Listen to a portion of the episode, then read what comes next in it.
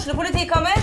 Ine Jansen er purk. Er du purk? The motherfucking bitch. Alt jeg vil, er å finne ut hva som skjedde med mannen min. Jon Carew. Er jeg sikta for noe? Iben Akeli. Det er du. Ole So, Lars Berrum og Big Daddy Karsten. Hvem sin side er du på, egentlig? Anette Hoff, Tone Danielsen, Kommer du fra Afrika? Jørnis Josef, Nesten. Kløfta. Trond Espen Seim, Det er synd å si det, men det var feil mann som døde. Purk. Premiere søndag på TV2 Play. Godt råd fra Apotek 1. Påsken markerer starten på solkremsesongen. Og når du skal ut og nyte solstrålene, bør solkremen allerede være på. Mange av oss har ikke sett sola i vinter. Derfor trenger den vinterbleke huden ekstra god solbeskyttelse. Husk solkrem selv om det er overskyet, og at snø og sjø gir økt reflektering av solstrålene. Kom innom og få råd på ditt nærmeste Apotek 1, eller chat med oss på apotek1.no. Apotek 1. Vår kunnskap, din trygghet. Kiwi er billigst i VGs matbørs og har vært billigst i fire av de fem siste VGs matbørser. Og nå presser vi prisen på påskevarer fram til 1. april. På 1,25 liter assortert Henning Olsen sørlandsis presser vi prisen fra 74,90 helt ned til 49,90. På assorterte 250 ml Cevita og Bendit smoothies presser vi prisen fra 1990 helt ned til 12,90 pluss pant. For det er vi som er prispresserne. Og vi i Kiwi gir oss aldri på pris.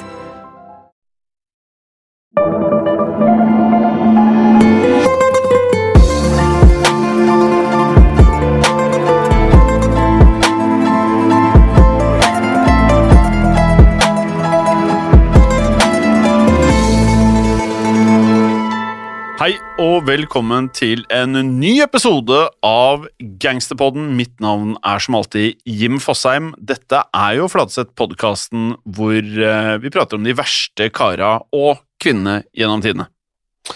Ja, øh, vi styrer unna de aller verste, da, for det, det er jo Albert Fish og disse seriemorderne. Disse grus, de er vel de Ja. verste, syns jeg. da. Ja, jo, ja, eller krigsforbrytere er faktisk hakket over. Er det det, ja? ja. Jeg tenker det. Men innenfor gangsterverdenen, som ofte styres av en form for profitt og makt, så blir det jo riktig å si at det er blant de verste gjennom tidene. Det er de som har funnet på mest uh, helvete, ofte. Ja. Dette vet vi jo! Dette vet, vi skal drive og si dette hver gang. Dette vet jo alle. Hvordan går det, Flatseth?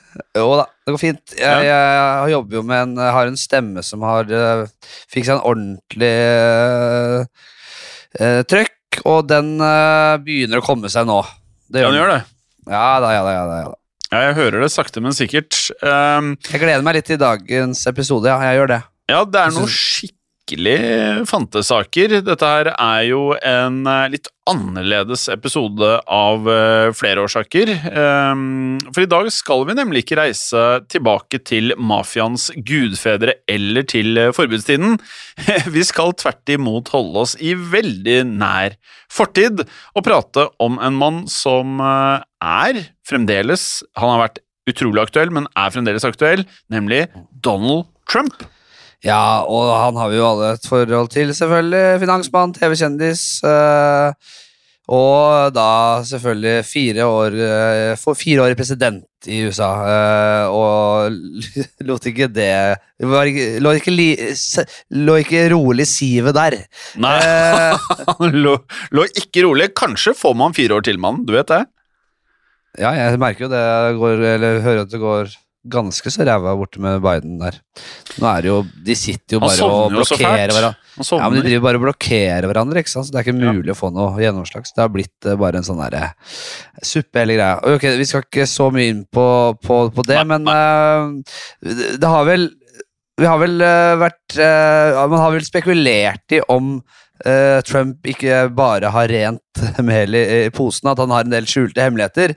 Trump er jo kjent for å ha en, eh, en stil som skiller seg veldig fra andre politikere, i hvert fall i amerikansk historie. Og øh, vi skal jo snart få høre at han samarbeider med litt andre folk enn politikere fle- flest også. Og Donald Trump er jo til tider blitt sammenlignet med en mafiaboss i måten han velger å gjøre business på, og måten han tvinger gjennom sin politikk øh, på. Jim. Mm. Eh, og den sammenligningen er kanskje ikke så far-fetched om man da får et innblikk i hvem Trump har gjort business med tidligere. Og det er jo det vi skal i dag. Eh, For det er nemlig blitt dokumentert at både Trump selv og flere av eh, hans aller nærmeste samarbeidspartnere har svært tette bånd til folk som da kan knyttes igjen til russiske kriminelle organisasjoner. Ja, og i denne episoden så skal vi se på hvordan Donald Trump gikk fra å være en eh, mislykket eh, forretningsmann med konkurser og gjeld opp til øra, til å bygge seg opp igjen med støtte fra den russiske mafiaen. Og Trump han brukte sin status til å rebrande seg selv eh, til en suksess igjen og igjen. Han sa han er, hva skal jeg si, han er en katte med ni liv. Altså det, hvor mange ganger har ikke han ligget og så vidt klart å puste, og så har han klart å på mirakuløst vis eh, reise seg igjen, da. Ja. Eh, og det Og så virker det som han er null opptatt av eh, å skitne til navnet sitt. Altså, han, alt bare preller av, virker det som. Alt skal på en måte assosieres med suksess. Og det er jo Det sier jo litt om folk flest, da, som Eller ikke folk flest, men folk som på en måte Jeg vet ikke, For meg i hvert fall så er det så åpenbart at han, eh, at han bare lurer alle på sin vei. eh, Men de syns han er en herlig fyr, og troverdig og alt sammen. Eh, Nå skal vi ikke legge for mye føringer i hva vi syns om han fyren her, men jeg klarer ikke å ikke gjøre det. Han er jo klovn, og det hele endte jo med at han ble på sjokkerende vis president i USA. Eh, fra, fra fiasko til rebranding gjennom reality, til krumspring, fra krumspring til krumspring, og så president. Eh, og vi vet alle hvordan det gikk. Ja. og vi skal nå kikke nærmere på flere russiske forretningsmenn som da Trump er blitt koblet til. Og disse personene kaster på hvert sitt vis lys over Trumps forhold til eh, nettopp Russland. da.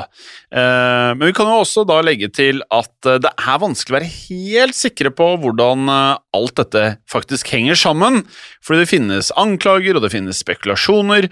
Så det blir mer eller mindre umulig å få alt bekreftet.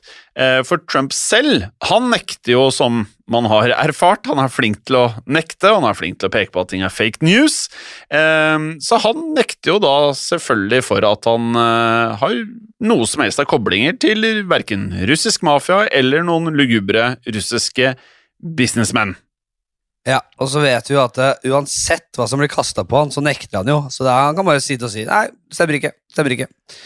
Jeg har ikke på meg hatt. Og så har han på seg hatt. Det er, det er sånn han holder på. Eh, og Vi må jo også da understreke at det finnes mange dokumenterte opplysninger om Trumps eh, si, lefling med mafiaen. Og Informasjonen er blitt eh, gjengitt av anerkjente aviser som Forbes, New York Times og The Daily Beast, som igjen lener seg på bl.a. journalisten Craig Unger sitt arbeid. Han har skrevet to bøker om Trumps forhold til Putin, mafiaen og KGB. Eh, og som vi skal se, så er disse tre institusjonene ganske så sammenflettet, ja. Ja. Eh, La oss nå bare dykke inn i selve materien her og se på hvordan det hele startet, da. Eh, vi kan ikke ta for oss hele livshistorien til Trump, så vi kan jo da ta en liten sånn kort oppsummering av hvordan han faktisk kom i gang med denne forretningskarrieren, da. Ja, for Trump han vokste jo som kjent opp i New York City, der faren Fred C. Trump og Hvis man har sett bilder av han, eller filmer og videoer av han, så han var knallhard. Han, han var hard. eh, ja, han var hard, ja. Eh, og han eide jo da, og drev et stort eiendomsselskap som bygde boliger i Queens og i Brooklyn.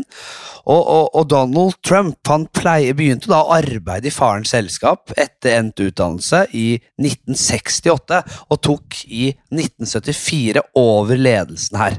Eh, og i 1980-årene så utvidet Trump boligbyggevirksomheten til å omfatte en rekke eh, storslåtte eh, bygninger, eh, sånn, eh, slik som da Trump Tower, som vi kjenner til, eh, som åpnet i 1983, og flere luksushoteller og kasinoer i Atlantic City. Og han ble helt gal til slutt! Han, han, disse kasinoene han skulle åpne, og disse storslåtte åpningene, og det skulle hete Trump, og det skulle være Nei, det, var- det tok helt av. Ja, og på samme tid så ble Trump en kjent person i finans- og sosietetsverden på Manhattan, og han var også med på å skrive flere bøker.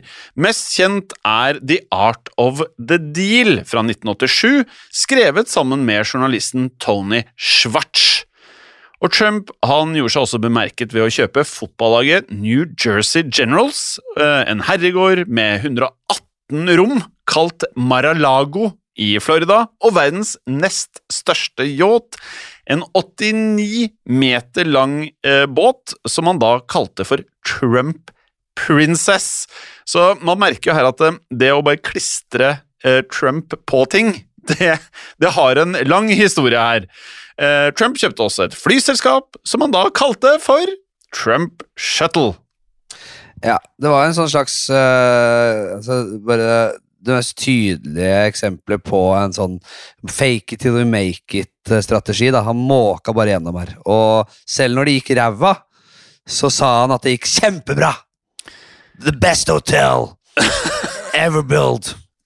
Uh, vi kjenner hvordan uh, han holder på. Eh, Eh, mens da 1980-årene var preget av jappetid og store investeringer i USA, så var det helt andre tider i eh, verdens andre supermakt, Sovjetunionen. Eh, for der var det økonomiske nedgangstider ja, og sviktende maktapparat. Eh, også denne katastrofale krigen i Afghanistan. Eh, alt dette gjorde jo sitt for at eh, Sovjetunionen var på vaklende grunn. Det var virkelig Det var rett og slett helt krise der borte. Og i disse mm. usikre årene så vokste det fram flere organisasjoner, kriminelle organisasjoner, Uh, og de ble svært mektige og uh, pissrike borti Russland der. Ja, Vanvittig rike. Men la oss nå se litt på Trumps aller første kontakt med disse russiske forretningsmennene i Gåstein, eller med disse mafiakoblingene som vi forstår det som hva det egentlig var. Eh, da må vi egentlig starte med å introdusere dere lyttere for en mann ved navn David Bogatin. Og Bogatin var en veteran fra det sovjetiske militæret som da ankom USA tidlig på 80-tallet. Og Bogatin han eh, var der egentlig for å bedrive da eh, organisert kriminalitet og da bygge opp et nettverk for bensinsmugling i Brooklyn. Og på denne måten så klarte Bogatin å skaffe seg en eh, betydelig formue. Og jeg kan også legge til her at det å smugle og jukse med bensin, det var det ikke bare russisk mafia som drev med på den tiden. De italienske var også meget flinke på dette. Uansett, alle disse pengene som eh, Bogatin da eh, tjente, de måtte på et eller annet vis eh, gjemmes vekk, og det har vi vært innom i mang en episode her i Gangsterpodden. De tjener jo eh, penger som gress! Altså, De har altfor mye kontanter, men så vet de ikke hva de skal gjøre med det. Det er et problem du og jeg, Flatseth, sjelden kommer til Eller, jeg har aldri opplevd det. Mulig du skatte... Nei, jeg, er veldig ryddig i økonomien. Ja, du, ja. Og, og, og, men her, skattemyndighetene lusker rundt, ikke sant. Og ja, her, så De måtte gjemme vekk Gryna. Ja, og her kommer ja. Trump inn Her kommer Trump inn i bildet. Ja, For i 1984 så skal Bogatin angivelig ha satt seg ned med Trump og kjøpt ikke én, men fem leiligheter i denne Trump Tower. Ja. Og prisen var jo da totalt ca. 15 millioner dollar. I eh, dagens verdi så er det 127 millioner norske kroner. Men hvorfor kjøpte Bogatin leiligheter i nettopp Trump Tower? eh, Jimmy the Greek. Jo, det var alt annet enn tilfeldig som den årvåkne lytteren allerede har forstått. For ifølge David K. Johnson, altså forfatteren av boken The Making of Donald Trump, så var Trump Tower en av eh, bare to store skyskrapere i New York City som da solgte leiligheter til kjøpere, som da brukte det man refererer til som skallselskaper. Eh, og dette tillot da kjøperne å investere i eiendom uten å måtte røpe identiteten sin. Så da Trump da dro i land avtalen med Bogatin, hadde han da hjulpet til med å hvitvaske penger for den russiske mafiaen. Eh, om han var klar over det eller ikke, det skal ikke vi si så mye om. Dette var uansett starten på Trumps business med forretningsmenn fra Russland. Og Vi skal senere i episoden høre om et eh, svært tvilsomt eh, selskap som holdt til i Trump Tower. Men først så må vi ta for oss Trumps første besøk til Moskva. Og for å forstå bakgrunnen for nettopp dette besøket, så må vi faktisk på innsiden av Sovjetunionens hemmelige politi og sikkerhetstjeneste, med andre ord KGB. Og jeg kan tillegge, Flatseth, at jeg har stått rett utenfor KGB sitt hovedkvarter i Moskva, og du får litt elefantpung når du ser det bygget, eh, og du skjønner at du kan forsvinne. Ja, ja, ja. Du, du bør ikke se på det engang! Nei, nei, nei. nei. Ja. Eh, For da på 1980-tallet så ble det jo klart for KGB at de var i ferd med å tape kampen mot USA når det gjaldt etterretning. De lå etter på, på, de, på, de meste, på de fleste områder. Eh, og de hadde svært få kilder på innsiden av den amerikanske makteliten eller i det militære. Og lederen av KGB, Vladimir Khrusjtsjov, eh, Khrusjtsjov tok opp dette problemet med sine underoffiserer flere ganger i 1984. Han oppfordret offiserene sine til å være mer kreative. Ja. eh, For tidligere så hadde KGB greid seg med å finne kandidater som da viste ideologisk sympati med Sovjetunionen, det ville si venstreorienterte folk og fagforeningsledere. Men på midten av 1980-tallet var det ikke så mange lovende kandidater lenger. Så KGB-offiserene skulle derfor finne agenter ved å bruke såkalte materielle insentiver. Eh, På godt norsk penger. Ja, og KGB de prøvde å påvirke politisk eh, ambisiøse, vestlige forretningsmenn, spesielt folk som var svake for uh, si, smiger, og, og som viste tegn på egoisme og grådighet. Uh, Forfengelige folk. Uh, Og finner man en bedre kandidat enn Donald Trump, da? Vet ikke, fordi Trump kan også ha havnet i KGBs søkelys pga. sitt eh, ekteskap med Ivana Trump, som opprinnelig var fra Tsjekkoslovakia. Og frigitte dokumenter fra STB, altså tsjekkiske KGB, viser da at eh, Trump-parets liv på Manhattan ble faktisk overvåket av tsjekkiske spioner. Og i dokumentene er det også nevnt at Ivana Trump skal ha uttalt at ektemannen Donald hadde økende interesse for politikk. Ja, og dette kunne gjøre Trump enda mer interessant for KGB, for de ønsket å ha innflytelse over folk som kunne med årene bli enda mektigere i USA, f.eks. for eksempel en fremtidig, fremtidig president. Og KGBs mål var ikke å gjøre Trump til en agent eh, sånn direkte, men de ønsket å skape en vennlig relasjon, slik at Trump kunne påvirkes eh, på sikt til å handle etter Sovjetunionens interesser. Ja, og det hele skal ha begynt i 1987. For dette året så ble Trump invitert til Moskva av ambassadøren Juri Dubinin, som da eh, hadde møtt Trump i New York året før. Og Trump han reiste til Russland han for å undersøke mulighetene for å bygge et hotell. Og den britiske journalisten Luke Harding, som har blant annet skrevet eh, bøker om makteliten i Russland, han påstår at eh, denne turen til Russland sannsynligvis var en del av en eh, langsiktig KGB-operasjon, for det var nemlig ikke slik at eh, sovjeterne inviterte amerikanere hjem til landet sitt, bare for å være hyggelig, og det vet vi jo. Ja, og når KGB inviterte potensielle agenter i Moskva, så pleide de å overøse dem med altså, helt sinnssyke ting. Kaker. Mm. Ja, det var altså så Vodka. mye. Ja, ja, det var jo altså eh, Det var, det var jo helt ville tilstander, ikke sant. Og Vladimir eh, Suvorov, en tidligere agent fra Sovjets militære etterretning, han har uttalt eh, Vi pleide å si at alt er gratis.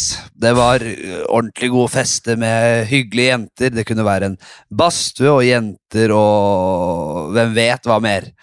Og hotellrommene, eller villaen hvor agentkandidatene bodde, var ifølge Suvorov under 24 timers overvåkning med sikkerhetskameraer. Ja. Tenk, å være, tenk å få se alle de opptakene av hjem. Ja, eh, altså Det her er nok mye som kanskje ikke tåler all verdens av lys, vil jeg tro. Jeg vet ikke. Um, for det var jo selvfølgelig da viktig, og vi vet jo opp gjennom åra KGB, eh, Sovjetunionen, man likte å samle inn informasjon på generell basis. Uh, for det var like viktig da å samle inn informasjon og også kompromitterende bilder av de potensielle agentene, og det er ikke lenge siden det eksisterte en øy hvor man eh, kanskje eh, mistenker at litt samme metodikk ble brukt.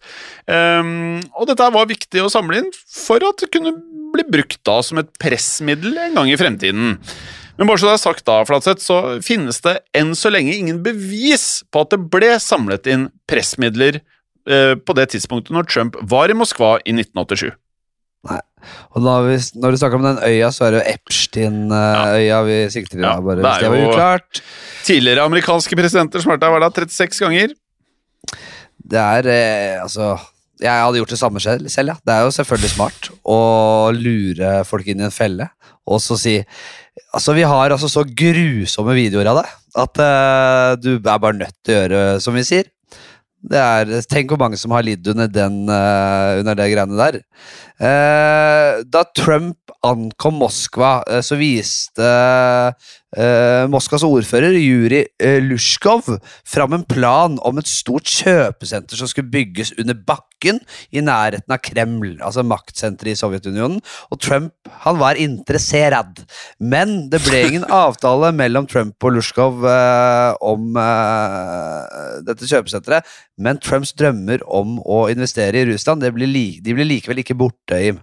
Nei, tvert imot, Fladseth. Eh, Trump skal ha gjort eh, flere strategiske fremstøt i eh, Russland, og lanserte ideer om da å bygge flere skyskrapere i Moskva.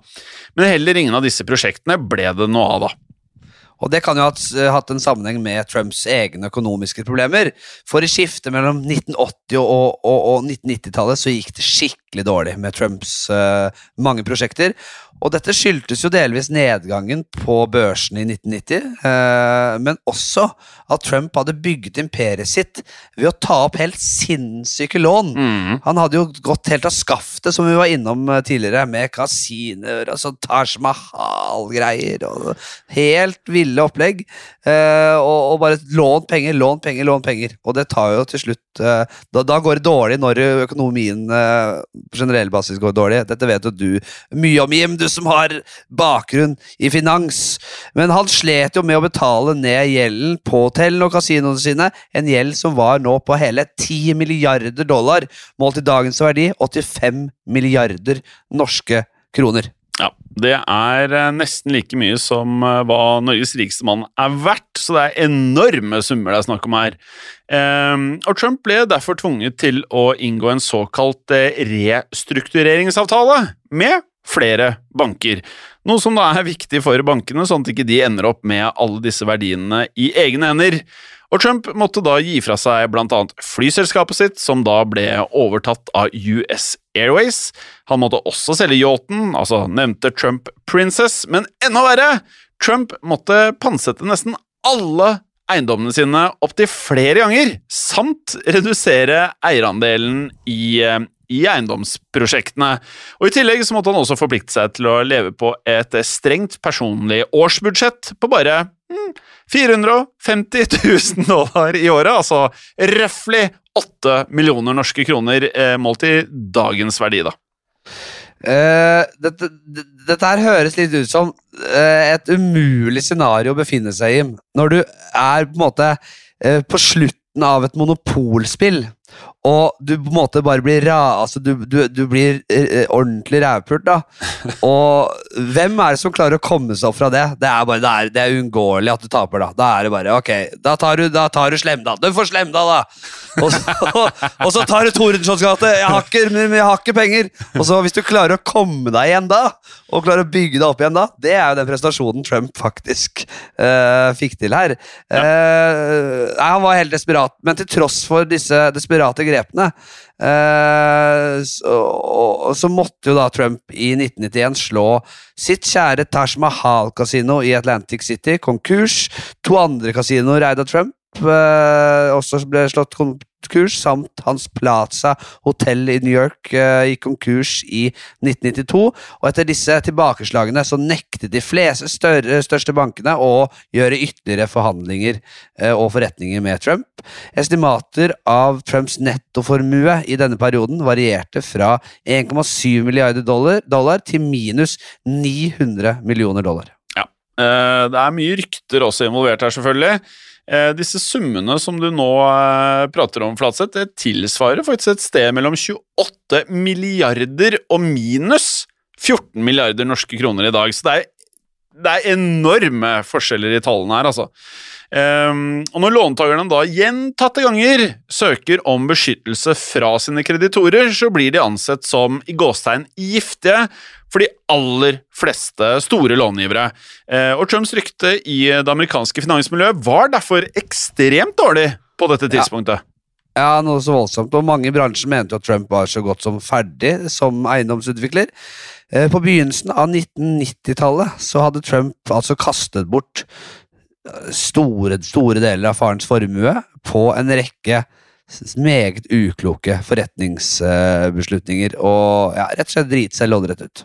Men det vi har lært om eh, Trump, Fladseth, er at han erkjenner ingenting, han. Han erkjenner ikke nederlag, han erkjenner ikke at han gjør noe feil. Og heller ikke denne gangen så erkjente han noe særlig til nederlag.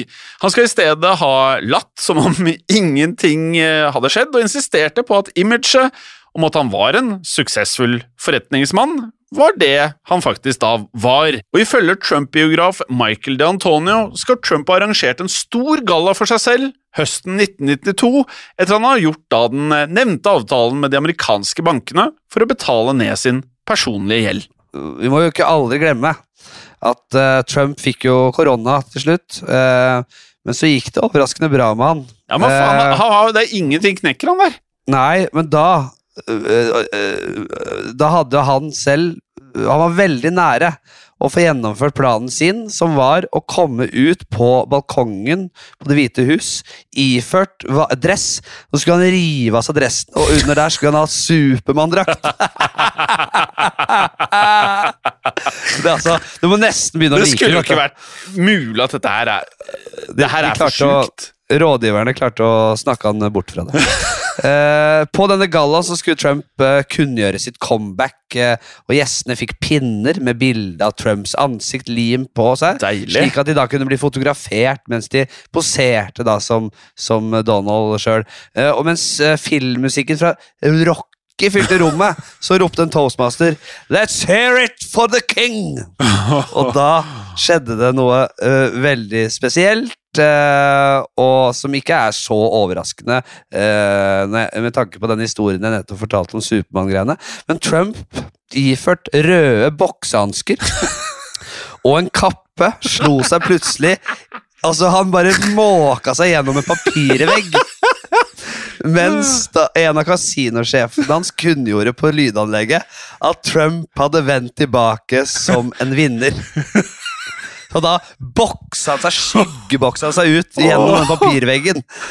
Det, er- det er vilt, altså. Ja, nei, man eh, kunne jo uh, tenkt seg å være der når dette skjedde, selvfølgelig. Men eh, sannheten var jo den at det så relativt mørkt ut for Trump, på tross av at han bokset seg gjennom denne veggen.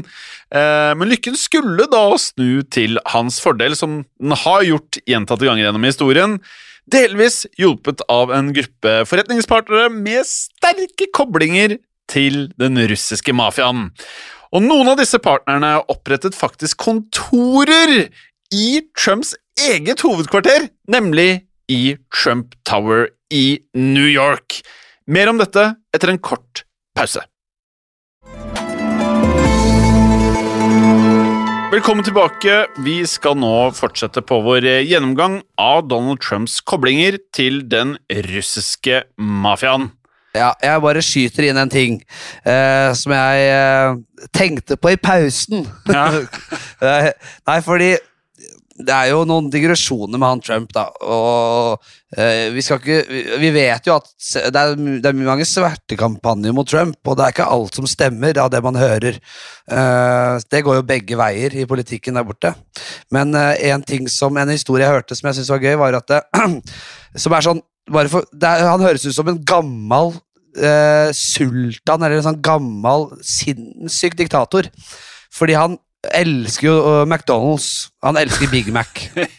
Han, han, han, eh, han eh, banker nedpå de, det har han gjort i alle år. Men så kunne han ikke av sikkerhetsmessige hensyn spise Big Mac fra uh, McDonald's-restauranter, fordi de kan, kan bli forgifta, og det er regler mot sånt når det er president. Og da fikk han kokken i Det hvite hus til å nærmest forske på hvordan man lagde Big Mac nedi kjøkkenet der. Og han var ikke fornøyd! Han sendte den tilbake gang en gang. 'Dette er ikke Big Mac!' Dette er ikke de Big Macene de lager uh, på McDonald's. Så det, det høres ut som en sånn gammel konge, da.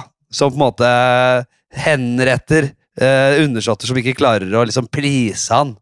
Nei, det Ja, det er en morsom Men, men det at eh, han skal liksom finne hemmeligheten til Altså, én fyr skal finne hemmeligheten til hele McDonald's, altså det som driver imperiet, det er jo litt urealistisk.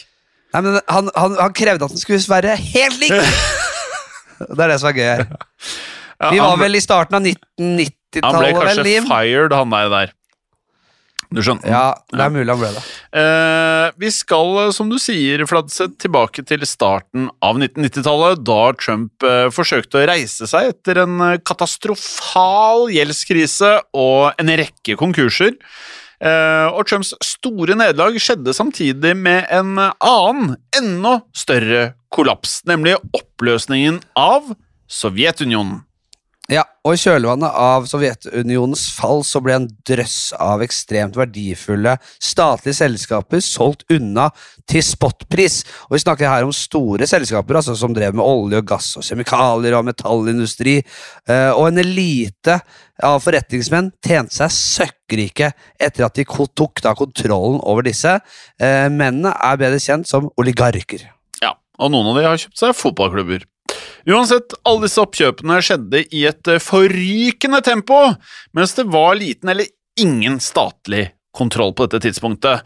Eh, Så her var ting up for grabs, og etter Sovjetunionens kollaps ble det russiske samfunnet mer eller mindre et ja, det er paralleller til et lovløst samfunn, der både da disse nevnte oligarkene og også mafiaorganisasjoner tok for seg av det som var av ressurser, og dem var det mange av. Og kanskje er det ikke så lett å se forskjellen på mafia og oligarker, sånn egentlig. Eh, og det ble vel egentlig ikke ytt noe særlig motstand fra verken stat eller folk her.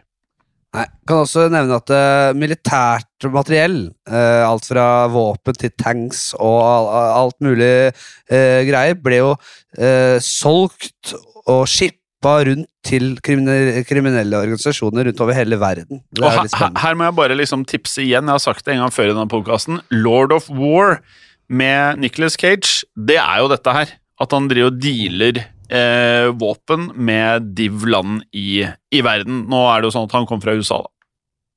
Ja, det ble jo da sluppet eh, løs enorme pengesummer fra Sovjet eh, på denne tiden, og det var mange nyrike forretningsmenn som trengte et sted å putte penga sine. Og de, de så selvfølgelig mot USA, kapitalismens høyborg, eh, og der sto den hardt preste Don Trump med åpne armer til alle som kunne tenke seg å investere i hans eiendomsprosjekter. Ja, og med det så gjorde Trump et eh, vanvittig comeback han på 1990-tallet og tidlig 2000-tallet, med flere profilerte bygningsprosjekter som Igjen, her kommer navnet frem nok en gang. Skyskraperen, Trump World Tower og omgjøringen av herregården, som vi nevnte tidligere, Mar-a-Lago, til eh, en privat klubb og et eh, golfresort. Eh, Og Den offisielle historien er da at eh, Trump ble reddet av Deutsche Bank, som da lånte ham flere millioner dollars. Og selv om dette på sett og vis inneholder en sannhet, så er det en mindre kjent bihistorie vi burde legge til her, nemlig historien om at en rekke forretningsmenn fra det tidligere Sovjetunionen bidro sterkt til Trumps nye eh, pengestrøm, om man kan kalle det det. Ja, og vi skal introdusere dere for noen av disse businesspartnerne som hadde til felles at de gjerne holdt til i Brighton eh, Beach, altså hovedkvarteret for den russiske mafiaens operasjoner i USA. Som vi nevnte før pausen, så lot Trump eh, den nevnte russeren David Bogatin kjøpe fem leiligheter i Trump Tower i 1984. Og slik fikk Bogatin skjult inntektene sine fra ulovlig kriminalitet. Og dette var jo bare starten. Det var kun starten, for på 1990-tallet og tidlig 2000-tallet var det dusinvis advokater, revisorer og også eiendomsmeglere eh, som var da med på å legge til rette for nettopp slike transaksjoner i Ikke i en mindre skala, som du nevnte der, men i stor, massiv skala. Og én undersøkelse skal ha vist at eh, hele 1300 leiligheter, altså en femtedel av alle Trump-leiligheter eh, som ble solgt i USA siden 1980-tallet, ble solgt på svært tvilsomt vis.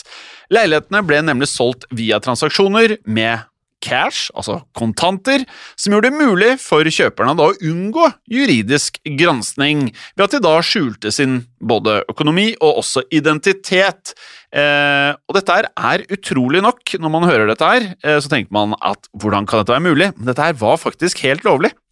Ja, og Trumps selskap har jo avvist eh, alle anklager, selvfølgelig, om hvitvasking av penger, og, og, kaller påstandene for udokumenterte. Alle påstander er udokumenterte, selv om de er dokumenterte ofte. Uh, og siden det er svært vanskelig å undersøke sånne skallselskaper som kjøpte disse leilighetene, så er det nesten umulig å finne ut hvor mye russiske penger som gikk gjennom Trumps eiendommer.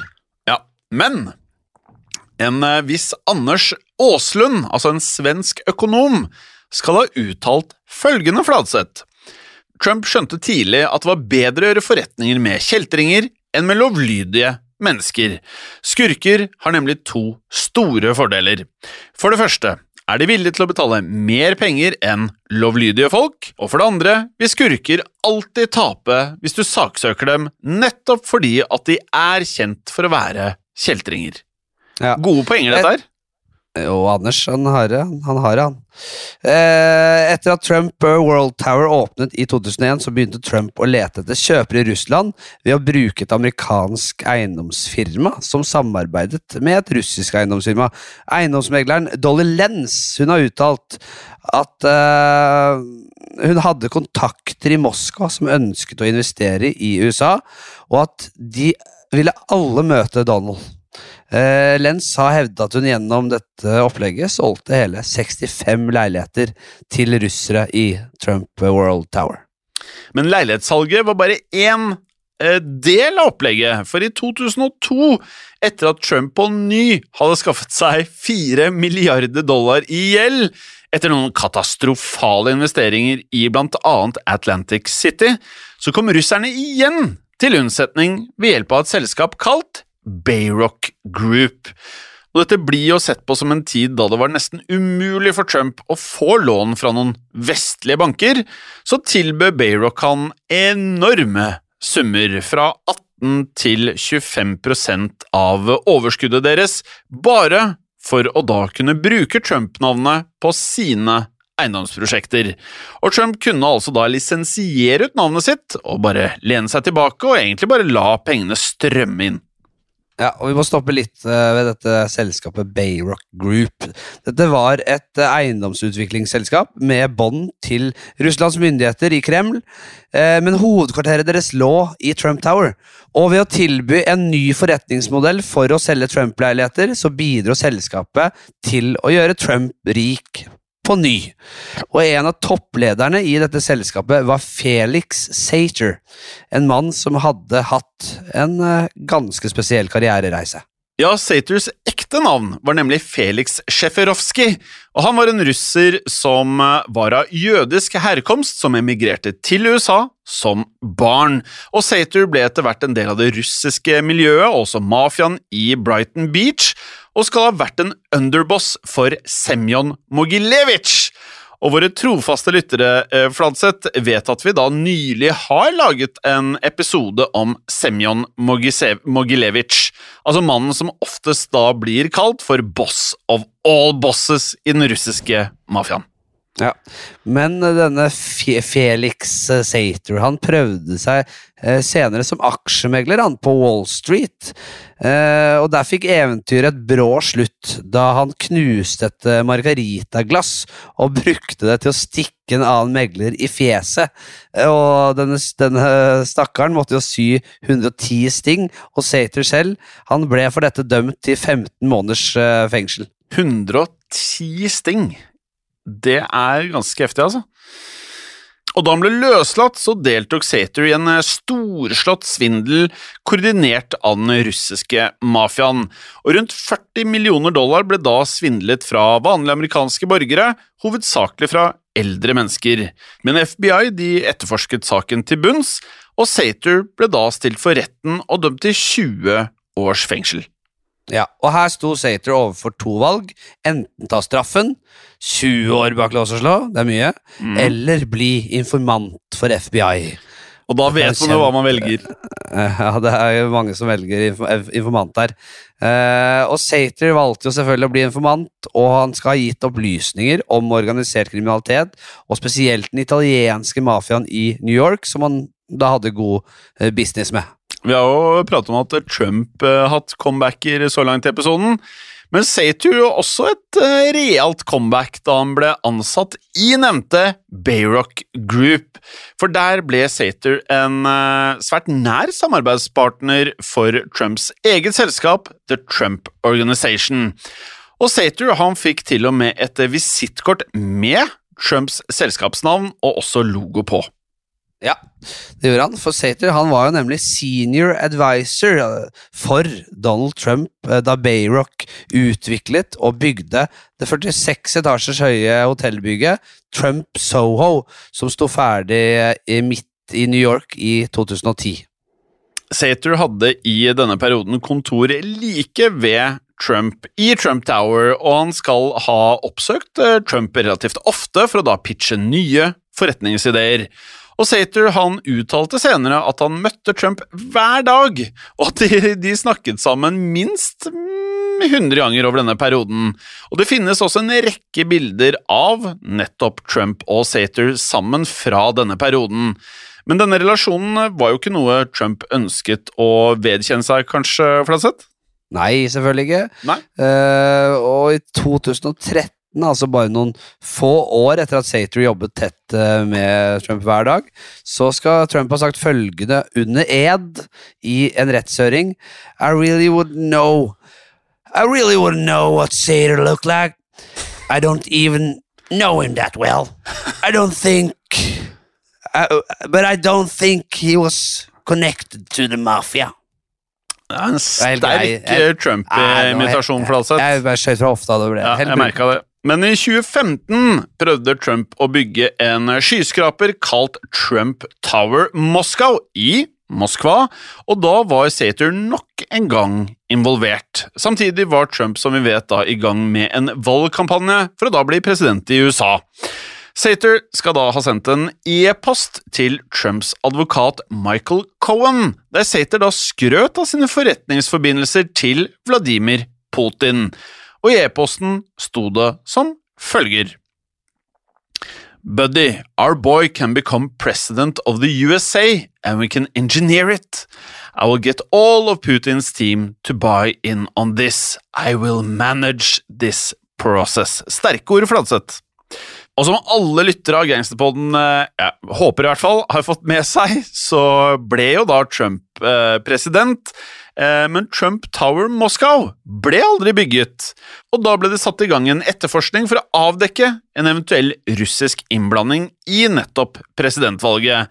Og da skal Trump ha tatt avstand fra det hele, selvfølgelig, og også ideen om en skyskraper i Moskva, selv om prosjektet hadde pågått i flere år, og Trump hadde signert en intensjonsavtale for dette bygget.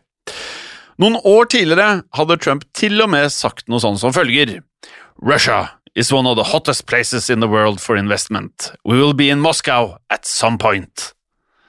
Det var litt dårlig. Den var jo Den nådde ikke min imitasjon til knær engang. Det var dårlig. Det var, ja, ja, ja, ja, ja, var dårlig. Det var noe Kaptein Sabeltann-skitt, det der. Nei, nei. Da, ok. Nei. Men Felix Sater han var jo ikke den eneste personen som eh, pr Trump prøvde å ta avstand fra i årene etter at han ble president. Nei da, lista var lang når det gjaldt eh, tvilsomme russiske businesspartnere. Eh, la oss ta en titt på for eksempel Tef Tevfik Arif, eh, altså en russisk-tyrkisk eiendomsutvikler med eh, masse forbindelser til russisk mafia. Han var grunnleggeren av Bayrock Group, altså der Sater jobbet. Team. Ja. eh, han var det. Og da New York Times i eh, 2007 publiserte en artikkel om Saters eh, kriminelle fortid, så tok Trump umiddelbart avstand fra han. Lite overraskende, selvfølgelig. Trump han hevdet i stedet at eh, han kun forhandlet med Saters sjef, nemlig Tevfik Arif. Og Trump uttalte, og siden du eh, mobbet min eh, Trump-imitasjon, Fladseth, så tar jeg dette på norsk. Mr. Arif hadde kontaktene. Han er en veldig internasjonal mann, og jeg er sikker på at du vil skjønne det hvis du intervjuer ham. Trump forklarte at Arif hadde da jobbet med ham for å se på nye forretningsmuligheter i Tyrkia, Polen, Ukraina og selvfølgelig Russland, da. Ja, men Trump han burde jo visst bedre enn å knytte seg til denne Arif, for denne mannen hadde jo et rulleblad som var enda lengre enn Saters. Eh, En etterretningskomité utnevnt av det amerikanske senatet har hevdet at Arif var svært involvert i den russiske mafiaen, og har drevet med hvitvasking og menneskehandel siden eh, ja, i alle fall år 2000. Og Arif skal også ha invitert flere tusen kvinner til USA, for så å tvinge dem til prostitusjon.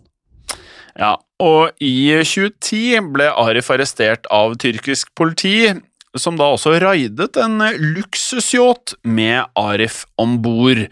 Eh, Og det tyrkiske politiet de siktet Arif for å lede en eksklusiv prostitusjonsring med superrike mennesker i eh, både Russland og Ukraina som kunder. Dette minner jo litt om handlingen, eller deler av handlingen i filmen eh, Taken med Liam Neeson. Det er i hvert fall mye av samme handlingen her. Men eh, Arif han ble frikjent et år senere, etter at da jentene som hadde vært om bord på yachten, hvorav én av dem kun var 16 år gammel, nektet å la seg avhøre av tyrkiske påtalemyndigheter. Ja, Det bør også nevnes at Arifs selskap Bayrock hentet store deler av kapitalen sin fra tre kasakhstanske oligarker som bare kalles for Trioen. Eh, Og dette er eh, ikke en vanlig, eh, vanlig trio av olje- og gassmilliardærer. De skal ha tjent seg søkkrike på 1990-tallet ved å samarbeide med høytstående ledere innen organisert kriminalitet som kobles til hvitvasking av penger, underslag og eh, leiemord. Ja. Trumps eh, krets av eh, partnere er med andre ord Flatseth et eh, svært flettverk av forbindelser og meget suspekte forretningsfolk. Og så, in all fairness, vi har jo ikke tatt for oss alle som er legitte. Nå har vi tatt for oss de som ikke føles å være legitte. Men uansett, flere av dem som Trump eh, har gjort business med, kan igjen da kobles til eh, de største russiske mafiabossene, slik som nettopp Semjon Mogilevitsj og nettopp Vlatsjeslav Ivankov. Eh, og vi har allerede dekket Moglisjevitsj i podkasten, så vi kan jo da avsløre at vi planlegger en egen episode nettopp om Ivankov. Der vil også Trump dukke opp, selvfølgelig, selv om han ikke er i fokus i den historien. Og når det gjelder Trumps presidentperiode, så er det ikke rapportert om russiske forretningsavtaler i den skalaen vi har fortalt om i denne episoden. Uh, Trump tok uh, tvert imot avstand fra alle anklager eh, om samarbeid med russere, og i eh, utenrikspolitikken gikk Trump fra å være en venn av Putin til å skape en ny eh, isfront. Eh, så det Ja, nei for, for en suppe. Ja, Eh, det, er med andre suppe. ord, eh, ja, det er med andre ord veldig vanskelig å si hva som er eh, status i forholdet mellom Trump og Russland i dag. Men det vi kan slå fast, er jo at oss vanlige folk er på en måte jeg, man, er nesten, man, man blir nesten motløs, ikke sant? Det, man bare merker hvor jævla eh, korrupt og ja, vi, er, vi, er, vi, er, vi, er, vi, er, vi har ikke mye vi skulle sagt, da, for å si det sånn. Nei, men eh, det man kan eh, nevne, da, er jo at eh, Trump har kommet seg lett unna. Og det er jo kanskje det du mener med motløs, for at disse koblingene til mafiaen, de er reelle.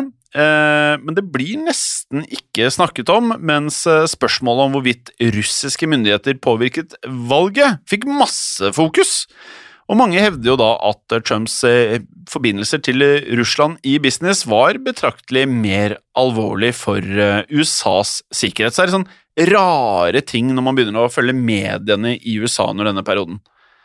Ja, dette med med farligheten av Trumps Russlandsforbindelser, det er noe Craig Unger skriver om, altså denne journalisten som har skrevet to bøker om Trump og Russland. Han har, han har sagt at russerne har studert amerikanernes politiske system og økonomi og utnyttet det på et mesterlig vis. Eh, Russerne har brukt eh, legemiddelselskaper, energiselskaper og finansinstitusjoner til å oversvømme USA skitne penger, og folk har egentlig ingen anelse Mm. om omfanget av russernes innflytelse. Nei, men um, jeg må jo si at det er urovekkende ord du kom her, da. Men Ja, uh, jeg tror vi skal takke for i dag, jeg, Flatseth, og nøye oss med det. Det er sikkert mye annet vi kunne inklu inkludert i denne episoden også. Uh, men Trump han kommer jo til å figurere igjen, han, i episoden om Ivankov i fremtiden. Så jeg syns det holder med det. Det har vært eh, Nei, altså, som sagt, vi sa i starten, litt annerledes episode. Det har vært spennende å dykke inn i Ja, ja. dette her, fordi det er noe mange har lurt på også. Og så man, Jeg var man ikke klar over mye av dette her, altså. Nei, man leser litt sånn overskrifter og får med seg disse eh, Cohen-rapportene, altså alle disse greiene, men eh, jeg hadde ikke dukket så veldig inn i det før, eh, før nå. Så det, Mm. det har vært veldig spennende. Har du en låt eh, i dag, Jim? Ja, Du nevnte jo at uh, Trump, når han bora seg gjennom denne veggen, så hørte han på Rocky-sang. Uh, og en annen sang som figurerer i Rocky 4, uh, hvor Rocky da slåss mot Dolph Lundgren, eh, altså Ivan Drago, eh, som er russisk, så er det mer koblinger her. Eh, så er det en annen sang som er viktig i filmen. Det er, nev det er nemlig James Brown sin 'Living in America'. Living in America. Mm, og den spilles når Apollo Creed skal i ringen med Ivan Drago, og spoiler! Så dreper Ivan Drago eh, Apollo Creed, og da blir jo Rocky veldig sint. Eh, så her er det koblinger, og eh, jeg tenker at denne går rett inn i spillelisten vår Gangsterpodden på Spotify. Ikke til forveksling med podkasten vår, som også heter Gangsterpodden på eh, Spotify. Må du få gjort noe med det snart. Ja, ja, ja, ja. Jeg skal fikse det. Jeg kan gjøre nå med en gang. Gangsterpodden på Insta og alt det der. Eh, Vi høres som vanlig Gå- neste uke. Ja. Ja, og gå, Nå er vi på 100 ratinger på um, Apple, altså på iTunes. Vi skulle gjerne vært på 200, eh, med tanke på at eh, lyttermassen på podkasten vokser, så skulle vi også gjerne hatt flere ratinger på iTunes. Vi høres uh, som vanlig neste uke, med mindre du har vært så uheldig å bli satt til å lage den perfekte Big Mac-en til Trump uten å lykkes, og nå har blitt sovende med fiskene. Ja, men da er det bedre å holde deg gangster. Ha det bra.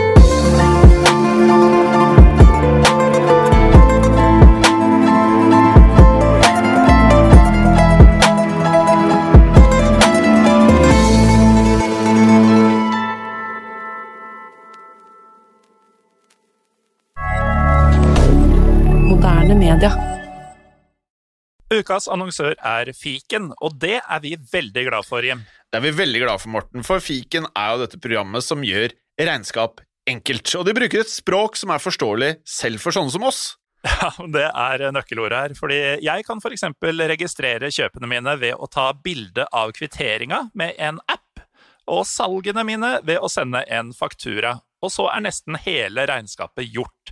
Når f.eks. for eksempel skattemeldinga skal leveres, så er tallene automatisk fylt inn, og så blir jeg guida gjennom det hvis det er noe spesielt jeg må ta stilling til i mitt regnskap. Altså, det er så enkelt. Ja, og for oss som eh, kjenner deg, Morten, så er du jo ikke akkurat kjent for å være noen økonom, akkurat.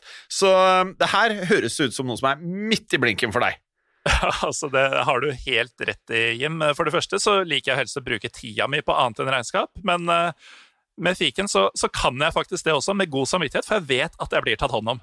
Ja, og nå kan du som eh, hører på også teste ut fiken helt gratis i 30 dager på fiken.no.